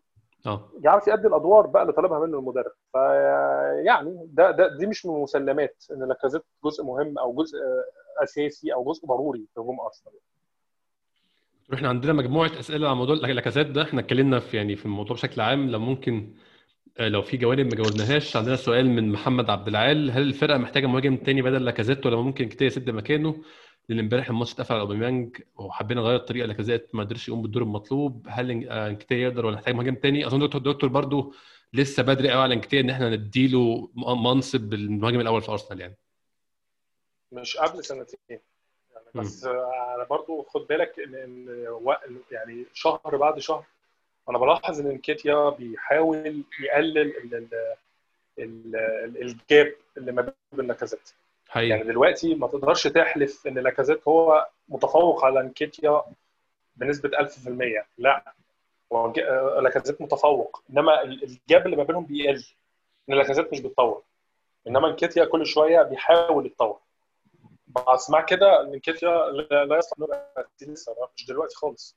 فأتوقع يعني أتم... كنت أتمنى طبعا إن الخطة بتاع أرسنال بتاعت إن إحنا نعرف نبيعه لفرقة تدفع فيه وإن إحنا نجيب بديل اصغر بديل أقوى بديل أسرع تمشي. بس طبعا ما مشيتش الخطة. مش كل حاجة ينفع تمشي في سوق واحد. يعني مش كل خطتك لازم تمشي في نفس السوق. ده حقيقي فاهم ده حقيقي. دكتور تاني موضوع برضو بديهي نتكلم فيه آه هو بيبي. أنا ما اتكلمتش معاك على بيبي من أول الموسم. بيبي الموسم ده بادئ على الدكة بادئ كلعيب rotation لأرسنال بدليل إن هو لعب الماتشات اللي لعبها إيه؟ لعب ماتش ليستر سيتي في الكاس وفي الدوري بينزل في آخر 20 دقيقة أو ساعات أقل كمان على حسب ظروف الماتش. هل في يعني عندنا سؤال لو أنا برضو بدور على السؤال. أنا مش عايز أنسى بس أقول اسمه بس هو السؤال بيسألنا يعني آه من عبد ال... من عابد أبو حمدة بيسألنا إيه اللي بيحصل مع بيبي وهل ممكن يرجع لمستواه اللي كان فيه مع ليل ولا مستواه مع ليل ده كان مجرد one season wonder وده شيء مش هيحصل تاني؟ الاستراتيجية أو الفلسفة اللي بتلعبها الكرة بتتلعب بيها في الدوري الفرنسي غير الفلسفة اللي بتتلعب بيها الكرة في ال Premier League آه طبعا. بس مش معنى كده إن كل اللعيبة اللي أنت بتجيبهم من فرنسا فاشلين. اللعيبة بقى اللي بتعرف تعمل ال upgrade ده من إن هو يغير طريقة اللعب بتاعت الدوري الفرنسي والنمط والفكرة بتاعت الدوري الفرنسي لل Premier League بيبقى لعيب عظيم. زي واحد زي روبير بيريز مثلا. آه. واحد زي ايدن هازارد دول كلهم جايين من الدوري الفرنسي. بس يعني عرفوا يعملوا ال upgrade ده. عرفوا يطلعوا الخطوة دي. ده لحد دلوقتي بيب مش عارف يعمله. لحد دلوقتي بيلعب بالطريقة وبالدماغ وبالفلسفة وبالمنطقية وبالمنهجيه اللي بيلعب بيها بتاعت الكره في الدوري الفرنسي. هو فاكر إن هو بيلعب قدام مدافعين من من ديجون وفالنسيان ونانسي وقصص كده. فعايز يرقص اثنين ثلاثة أربعة خمسة ويطلع بقى ينفرد ويعمل بقى الكرة اللي هتخليه بقى أمهر لاعب في الدوري الفرنسي. الكلام ده يعني مش مش ماشي معاك في ال Premier أنت حاولت موسم كامل ومش ماشي مش نافع. لازم تفهم إن ده دوري physical مختلف دوري intense intensity بتاعته مختلفة العنفوان والحدة البدنية بتاعته والحدة الجسدية وحدة اللعبه نفسها ال rhythm اللعبه نفسه مختلف تماما عن اللي انت كنت متعود عليه. فهو مش عارف يعمل بقى الخطوه دي مش عارف يطلع خطوه السلم العالية دي. إن هو ينتقل بقى من من دماغ الدوري الفرنسي لدماغ الدوري الإنجليزي مش قادر يعمل كده. اللعيبة اللي بتعرف تعمل كده بتبقى لعيبة عظيمة بقى. يعني هي بتبقى خلاص بتعرف مشكلة يعني ال Premier League فين وبتتأقلم معاه في لو ما ال shift بتتاقلمش يعني. معاه بيبقى لعيب آه بيبقى لعيب فاشل. يعني بص هتلاقي أكتر لعيبة ال Premier League استقدمهم جابهم من من الدوري الفرنسي آه. من فرنسا.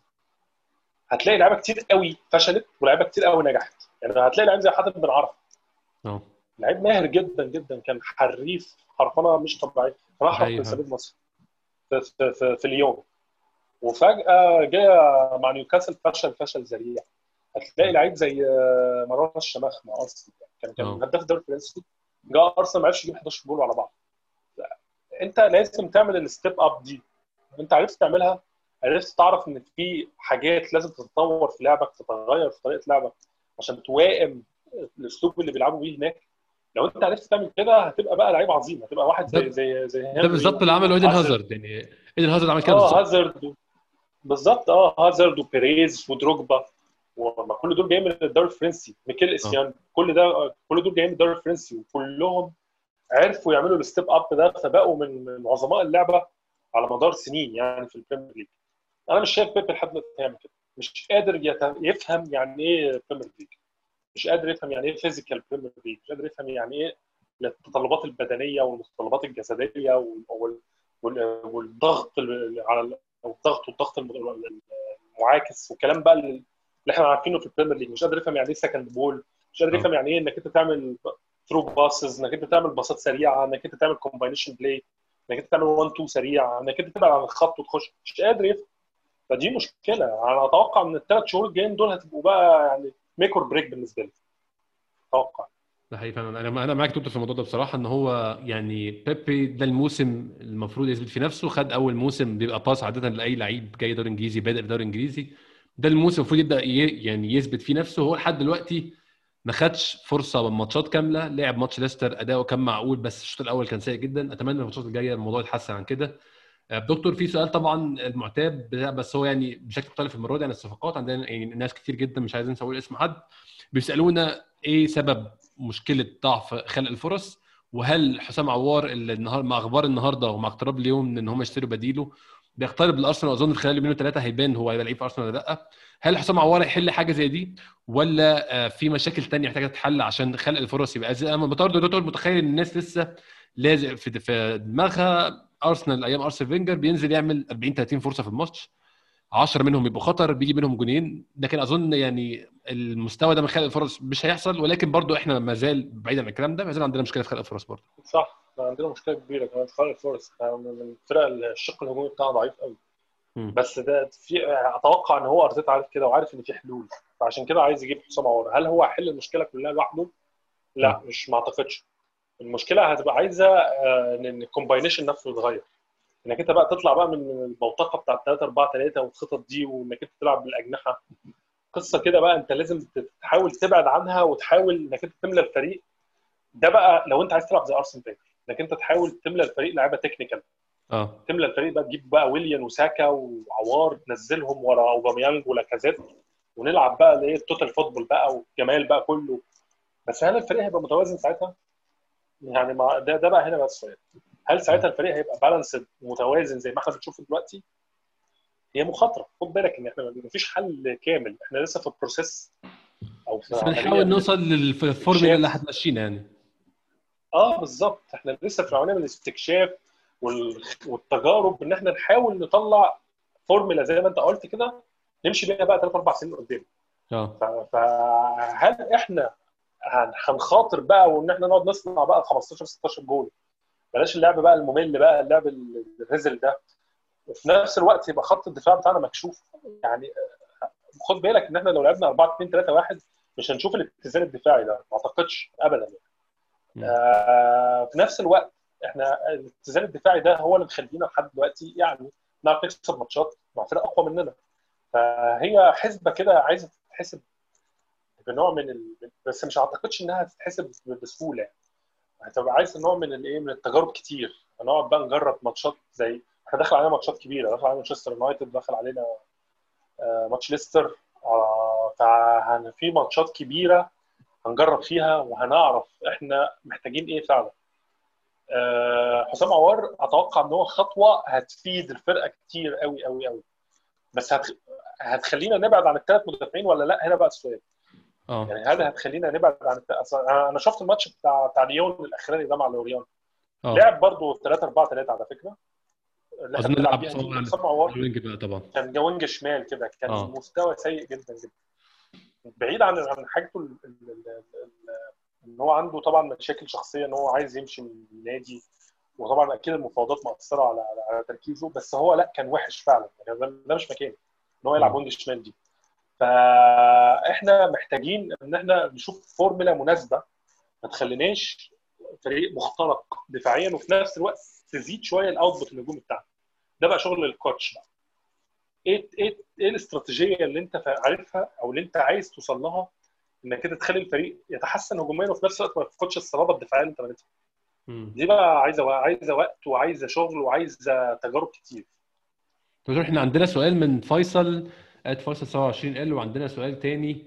برضه هو يعني هم كل مجموعه الأسئلة دي بتدور في حتة إحنا هل هنلعب بأربعة ورا تاني زي ما آه، أرتيتا لعب أول ما جه أرسنال؟ وهل وصول عوار هل ده بيسرع بإن إحنا نتجه للأربعة ورا ده؟ ولا موضوع الأربعة ورا ده ده, ده سؤال من عندي بقى دكتور. هل هو مرهون باست- باستعداد جابرييل آه، وصليبا إن هم يكونوا ال pairing بتاع أرسنال؟ ولا ده موضوع مختلف تماما؟ لا ما أعتقدش مم. يعني إحنا لو لعبنا بأربعة ورا إحنا هنحتاج بس نخطط اولا لو هنلعب بأربعة ورا إحنا محتاجين واحد أقوى من النني وسيبايوس يلعب جنب شاطر يعني عشان طبعا. بس إيه تبقى الأمور ماشية في, في, ال- في الاتجاه ده. يعني محتاجين بارتي أكتر من احتياجنا لعوار. لو هنلعب بأربعة مدافعين. لكن آه. أنت عشان تلعب بأربعة مدافعين أنت محتاج حد يحميهم. عشان محتاج حد يحميهم أنت محتاج حد بدني. طبعا لحد دلوقتي ال personnel ده أو ال quality دي مش موجودة. من في أصلا. آه. آه فهنجيب بارتي أتوقع إن إحنا هنلعب أربعة. هنلعب بقى بخط وسط من ثلاثة بقى اللي هو اثنين زائد واحد. اثنين double pivot أو اثنين يلعبوا اللي هم شاكا وبارتي وقدامهم بقى يبقى عوار سواء free roaming بقى أو اللي هو يعني لاعب وسط حر زي ما كان نصري بيلعب مثلا قدام فابريجاس و ودينيلسون. آه. آه، هنلعب بقى الطريقة دي اللي هو زي مثلا دينيلسون وفابريجاس بيلعب قدامهم آه، نصري. هو ده دي الطريقة دي بقى اللي أرتيتا بيفكر فيها. ده بقى اللي إحنا محتاجين نشوفه. أنا ما أقدرش ما أقدرش ما أقدرش أتوقع ما أقدرش أحلف هي دماغه رايحة ناحية إيه. هو بيجرب. آه، طبعا الموضوع ده هي- هيدينا آه، يعني صلاح هيدينا قوة هجومية. الطول الهجومي بتاعنا هيبقى ممتع جدا صراحة. إنك أنت طبعا تلعب بشاكا وبارتي وقدامهم عوار هيبقى ممتع. هيبقى هيبقى فيه فرص كتير. وه... يعني الفرقة هتبقى شكلها حلو قدام.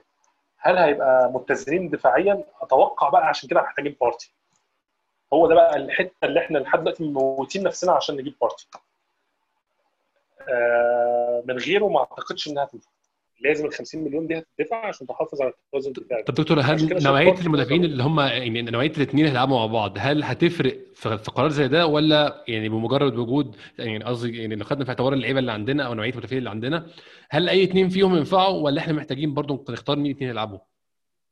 آه، ديفيد لويز هيبقى أساسي ودي هتبقى مشكلة صراحة يعني إنك أنت تلعب عشان صعب في. اتنين- آه في اثنين مدافعين centre backs مع بعض دي صعبة شوية. بس هو أساسي إن ما فيش حد عنده الخبرة في, في ال Premier League إن هو يعني يلعب مع زميله زيه يعني ما آه. أعتقدش إن هولدينج وجوده يعني هيبقى يدي ثقة أو هيدي نوع من الاطمئنان لزميله اللي جنبه هيلعب جبريل آه، صليبه واضح إن هو آه، أرتيتا يعني لسه مديله هيديله وقت هيديله شهر أو اتنين كمان عقبال ما يدخلوا الجو بتاع الكرة الإنجليزية يعني. آه. آه، ممكن يكون شاف حاجة في التدريبات. لا لسه بدري عليه مش عارف إيه خلاص إحنا بالنا برضه لسه ال- ال 19 سنة. لسه يعني برضه مهما كان إحنا بنتكلم في لعيب يعني قدامه كتير قوي. هيتعلمه قدامه كتير عشان يتطور. هو مش جاي مفيش لعيب في العالم 19 سنة جاي يحل مشكلة. ما بيحصلش. آه، 19 سنة لازم تديله وقته ويتطور ويتأقلم بدنيا ويتأقلم فنيا. فصليبه هياخد وقت إنما جابرييل يعني هو شوية خطوتين اهد خطوتين متقدم عن صليبة فهيبدأ يلعب مع ديفيد لويس. ده رأيي يعني. دكتور عندنا سؤال آه، يعني في حتة ثانية أنا قبل ما أنسى في صالح صالح TUW يقول لك مستوى هولدنج في تطور مستمر كفاية جد يا دكتور. فهو متابع إن أنت بتنتقد هولدنج بيقول لك إن هو هو شايف إن هو اتحسن مؤخرا. أنا شايف إن هو اتحسن دكتور نسبيا برضو بس ده لا يؤهله إن هو يبدأ يكون من الاثنين أو الثلاثه الأساسيين في أرسنال بصراحة. مدافع average امبارح كان يعني واضح قوي يعني. وطبعا الماتش صعب جدا إنك تلعب قدام واحد زي ماني مهما كان. مش إحنا لازم ندي المو... نحط المواضيع في نصابها الحقيقي. صعب جدا تلعب مع واحد زي ماني. بس في الآخر هو مدافع average يعني عنده مشاكل. الماتش بتاع بتاع بتاع ويست هام كان برضه عنده مشاكل يعني. برضه فرقه ويست هام مش فرقة فنيا عملاقة يعني. بس بس مع كده كان عنده مشاكل وعنده أخطاء. في في مشاكل في ال tracking في مشاكل هو مش بيترقص كتير بس في نفس الوقت مش يعني يعني عنده حاجات كتير قوي limited يعني إن هو مش بيساعد في في في, في الكور الهوائية صح مش بيتمركز صح في الكور اللي هي بتبقى عاملة لخبطة دي اللي هي بتبقى ملعوبة من ورا المدافعين. آه يعني هو هو يستحق يبقى في ارسنال ك squad player إنما مش هيبقى أساسي. ده أنا رأيي فيه يعني. وخصوصا ان إحنا وصلنا لمرحلة خلاص أنت 25 سنة لحد دلوقتي ما حدش في إنجلترا بيفكر إنك أنت مثلا تروح الدوري تروح المنتخب الإنجليزي. محدش فاكر إنك أنت بيحسبك إنك أنت من اللعيبة الكبار أو من اللعيبة اللي فيهم أمل ان ان هم بعد كده يبقوا مدافعين للمنتخب. دي برضه حتة تدل إنك أنت برضه إيه الفنيات عند عند روب هولدنج أو يعني قوته كمدافع مش كبيرة. امم ده حقيقي فعلا دكتور هنتكلم في حتة تانية. سؤال عندنا من الاثنين من راضي علي at راضي عبد الوهاب ومن محمود at كابتن كيمي. بيسألونا الاثنين اللعب على خط المرمى حرفيا ليه الاصرار عليه بالشكل ده وإحنا بنلعب قصاد ضغط عالي جدا مع ليفربول. ده سؤال محمود وسؤال راضي. أنا شايف إن أرتيتا معقد الموضوع أكتر من اللازم في منهجية وطريقة اللعب وده خلى إحنا ما عندناش فرص إمبارح. أظن دكتور السؤال يعني بيحوم حوالين حتة إيه هي plan B وليه لو في plan B ليه ما اتطبقتش امبارح طالما الدنيا مقفلة في الخطة الأساسية اللي هو لازم نلعب من نبدأ من الحارس ونمشي في ال pattern بتاعنا؟ ليه أرتيتا لما لقى الدنيا دي مش نافعة ليه ما حاولش يغير الموضوع؟ وهل هو عنده plan B أصلا ولا هو plan B شبيهة ب plan A؟ ما كان بص امبارح ماتش ليفربول ما كانش في حلول إنك تلعب بالطريقة دي. ما كانش في أي حل آخر. م. لازم تحاول تجذب ضغط ليفربول وتحاول تهاجمهم من ورا. ما كانش في حلول ثانية صراحة يعني. خلينا نكون منطقيين امبارح انك انت تعرف تكسر ضغط زي ده انك انت تلعب كور long balls ورا المدافعين ما كانش هيحصل. مدافعين ليفربول كانوا واقفين صح قوي. أوه. قوي يعني انك انت تكسرهم بكور long balls من ديفيد لويز أو من المدافع الثاني لا انت كده بتدي لهم الاستحواذ من الآخر يعني. يعني انت بتاخد الكورة وبتديها لهم تاني. فده ده ما حدش ما فيش مدرب بيعمل كده. فالاصرار على اللعب بالبناء من الخلف لا امبارح عشان كان ظروف الماتش كده إحنا كنا محتاجين فعلا إن إحنا نمتص ضغط ليفربول على قد ما نقدر ونحاول نبني بالطريقة التدريجية. الحل الثاني كان إنك أنت هيبقى عندك زي ما قلت لك قبل كده بقى الحتة بتاعت تشافي ونيستا وكازورلا وفابريجاس والناس دي. يبقى عندك اللي هم اللعيبة اللي هم ال needle players دول اللي هم في وسط الملعب يحاولوا يخلصوك من الأزمة دي. إن هم بي بي بي بيباصوا الكورة بذكاء بيعملوا through balls كتير. بيكسروا. هنا بقى تعرف تكسر بقى ال trap أو المصيبة بتاعت الضغط. إحنا ما عندناش بقى. إحنا عندنا إحنا ال option ده ال option ده مش موجود عندنا. لحد دلوقتي مجبرين نلعب بشاكا والنني وسيبايوس ده دول الثلاثه مش مش مش في مش في ال level اللي إحنا نعرف نكسر بيهم الضغط من من من عمق الملعب أو من وسط الملعب. فكان الحل إنك أنت تبني الملعب ما كانش في حلول ثانية آه ال plan B بقى. هل في plan B أكيد في plan B بس محتاجة بقى نوع من ال quality مش موجوده محتاجة أشخاص تانيين plan B إنك أنت آه آه محتاجة بقى واحد زي حسام عوار. يعرف ياخد الكوره من نص الملعب ويرقص ويحافظ على كورته ويعرف يعمل through balls يعرف يجيب الضغط ناحيته يعرف ينسل كده ما بين الناس اللي بتضغط عليه زي ما كان بيعمل في ماتش مانشستر سيتي والماتش بتاع اللي بعده اللي هو كان بتاع اللي هو كان قبل ماتش بايرن كان آه ماتش مانشستر سيتي يعني ماتش يوفنتوس أنا قصدي. آه. هل أنت بقى عندك ال personnel ده ال personnel ده مش موجود دلوقتي؟ لما يجي بقى نبقى نفكر بقى في ال plan B للأسف الخطه الفرقه الفرقة اللي عندنا يعني ما, ما أعتقدش إنها قابلة إنها تلعب ب plan B للأسف. محتاجين بقى إحنا اثنين أو ثلاثة كمان عشان نبدأ بقى نطلع ال plan B ونقول إنها تبقى فعالة. فانا لازم نستنى آخر السوق. لازم. لو لو واحد من عوار وبارتي واحد فيهم ما جاش ما أعتقدش إن إحنا نلعب ب plan B بسهولة. هنحتاج الاثنين مع بعض. وكمان أتوقع إن إحنا هنحتاج مهاجم ثالث يعني مهاجم غير لاكازيت. بس دي طبعا مش هتحصل في السوق ده. ممكن السوق اللي بعده. صعبة السنة دي طبعا. آه يعني آه ممكن في يناير أو السنة الجاية. مش مش هتحصل دلوقتي. آه آه هو ده يعني أنت لازم تجيب الأدوات اللي هتلعب بيها plan B دلوقتي للأسف ما فيش عندنا ال option ده. دكتور عندنا السؤال قبل الأخير أو الموضوع قبل الأخير خالد طه at It's Red in London بيسألنا هل أرتيتا جاب بويليان عشان يلعب بيه wing ولا عشان يدخل في العمق ويصنع لعب؟ لحد دلوقتي ثلاث ماتشات في الدوري ويليام تاثيره في صناعة الأهداف بتمريرات حاسمة مش واضح إلا في ماتش فولهام. آه غير كده بيبقى مختفي معظم الماتش. آه ويليام دكتور فعلا يعني هنتكلم عن ماتش تاني ماتش وست هام كان أداؤه سيء فعلا اتغير وإمبارح كان سيء وفعلا اتغير.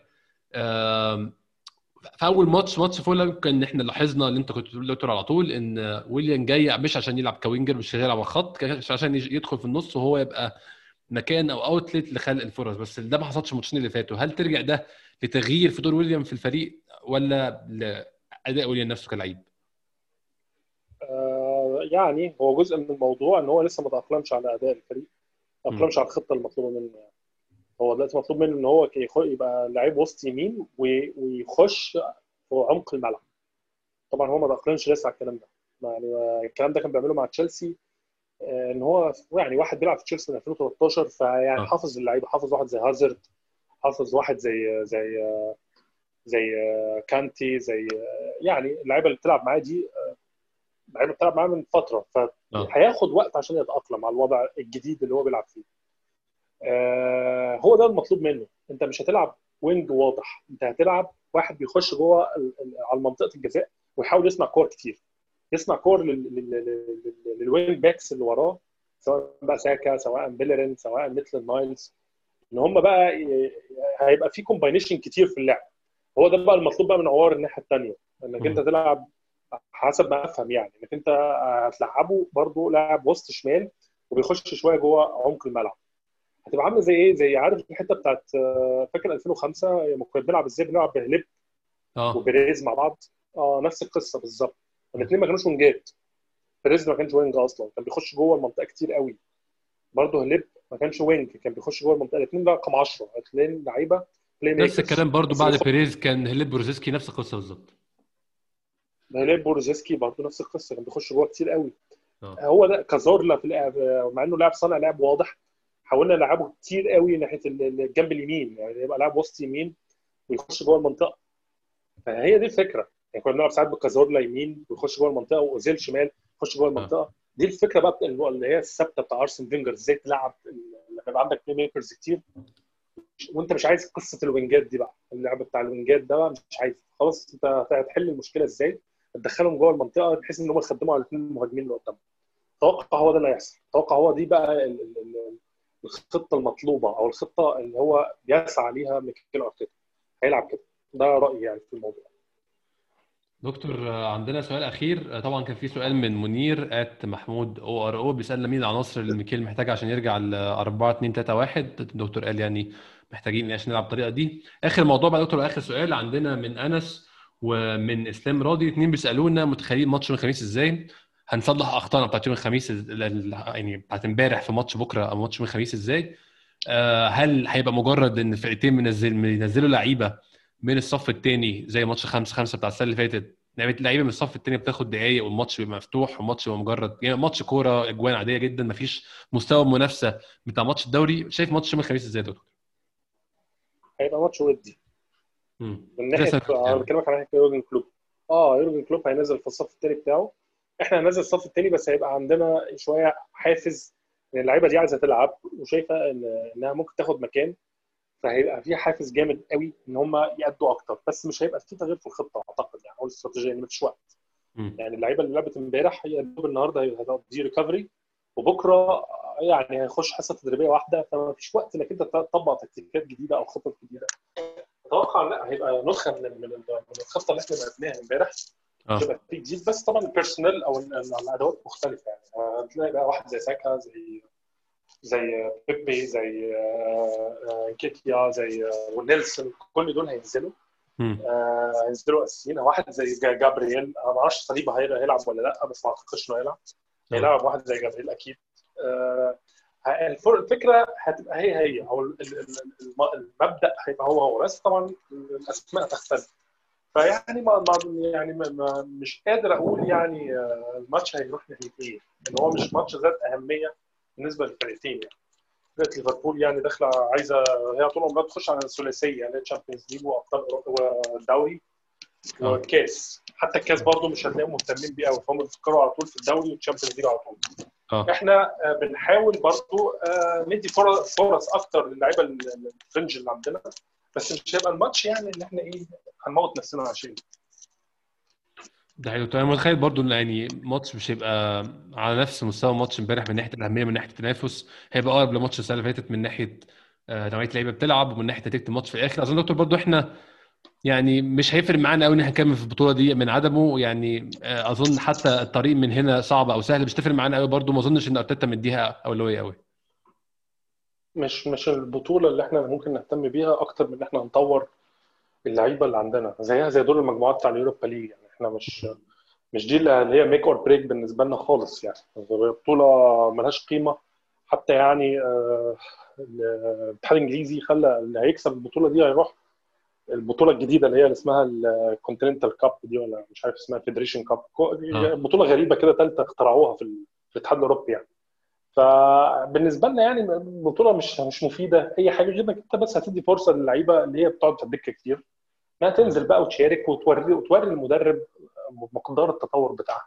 يعني واحد زي مثلا أنت عايز تشوف الحارس الجديد ده بقى اللي أنت دفعت عليه مليون ونص ده اللي هو رونالدو ده هيبقى شكله عامل إزاي يعني؟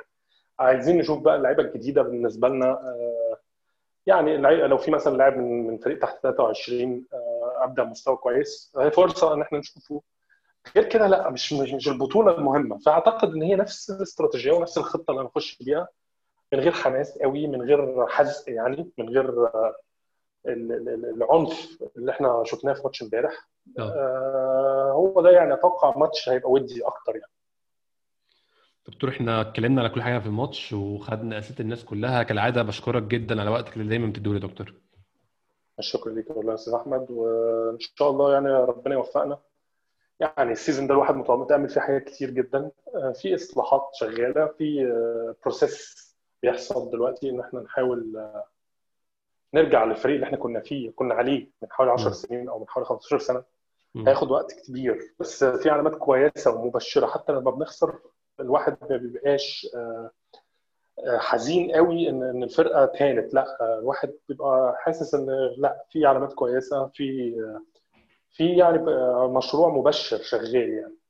أظن يا دكتور برضه موضوع التأثر بالماتشات الكبيرة ده كان بدأ يختفي من عندنا كنا بندخل الماتشات الكبيره يعني هنتغلب ولا هنتعادل ولا الموضوع هيطلع بشكل وحش عامل إزاي دلوقتي؟ إن إحنا نحس إن إحنا كنا قريبين من نتيجة أحسن. أظن ده في حد ذاته مش هقول إن هو تحسن بس هو خطوة في الطريق الصحيح يعني.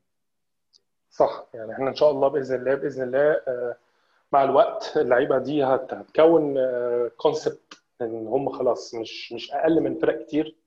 مش أقل من الفرق اللي هم بيقابلوها دي الموضوع بقى محتاج بس منهم شوية مجهود محتاج منهم شوية تعاون محتاج منهم يعني هم يثقوا بنفسهم أكتر من كده. أتوقع إن شاء الله بإذن الله يعني ال season ده هيبقى كده. هيبقى في حاجات في حاجات كويسة كتير قوي بالنسبة لنا.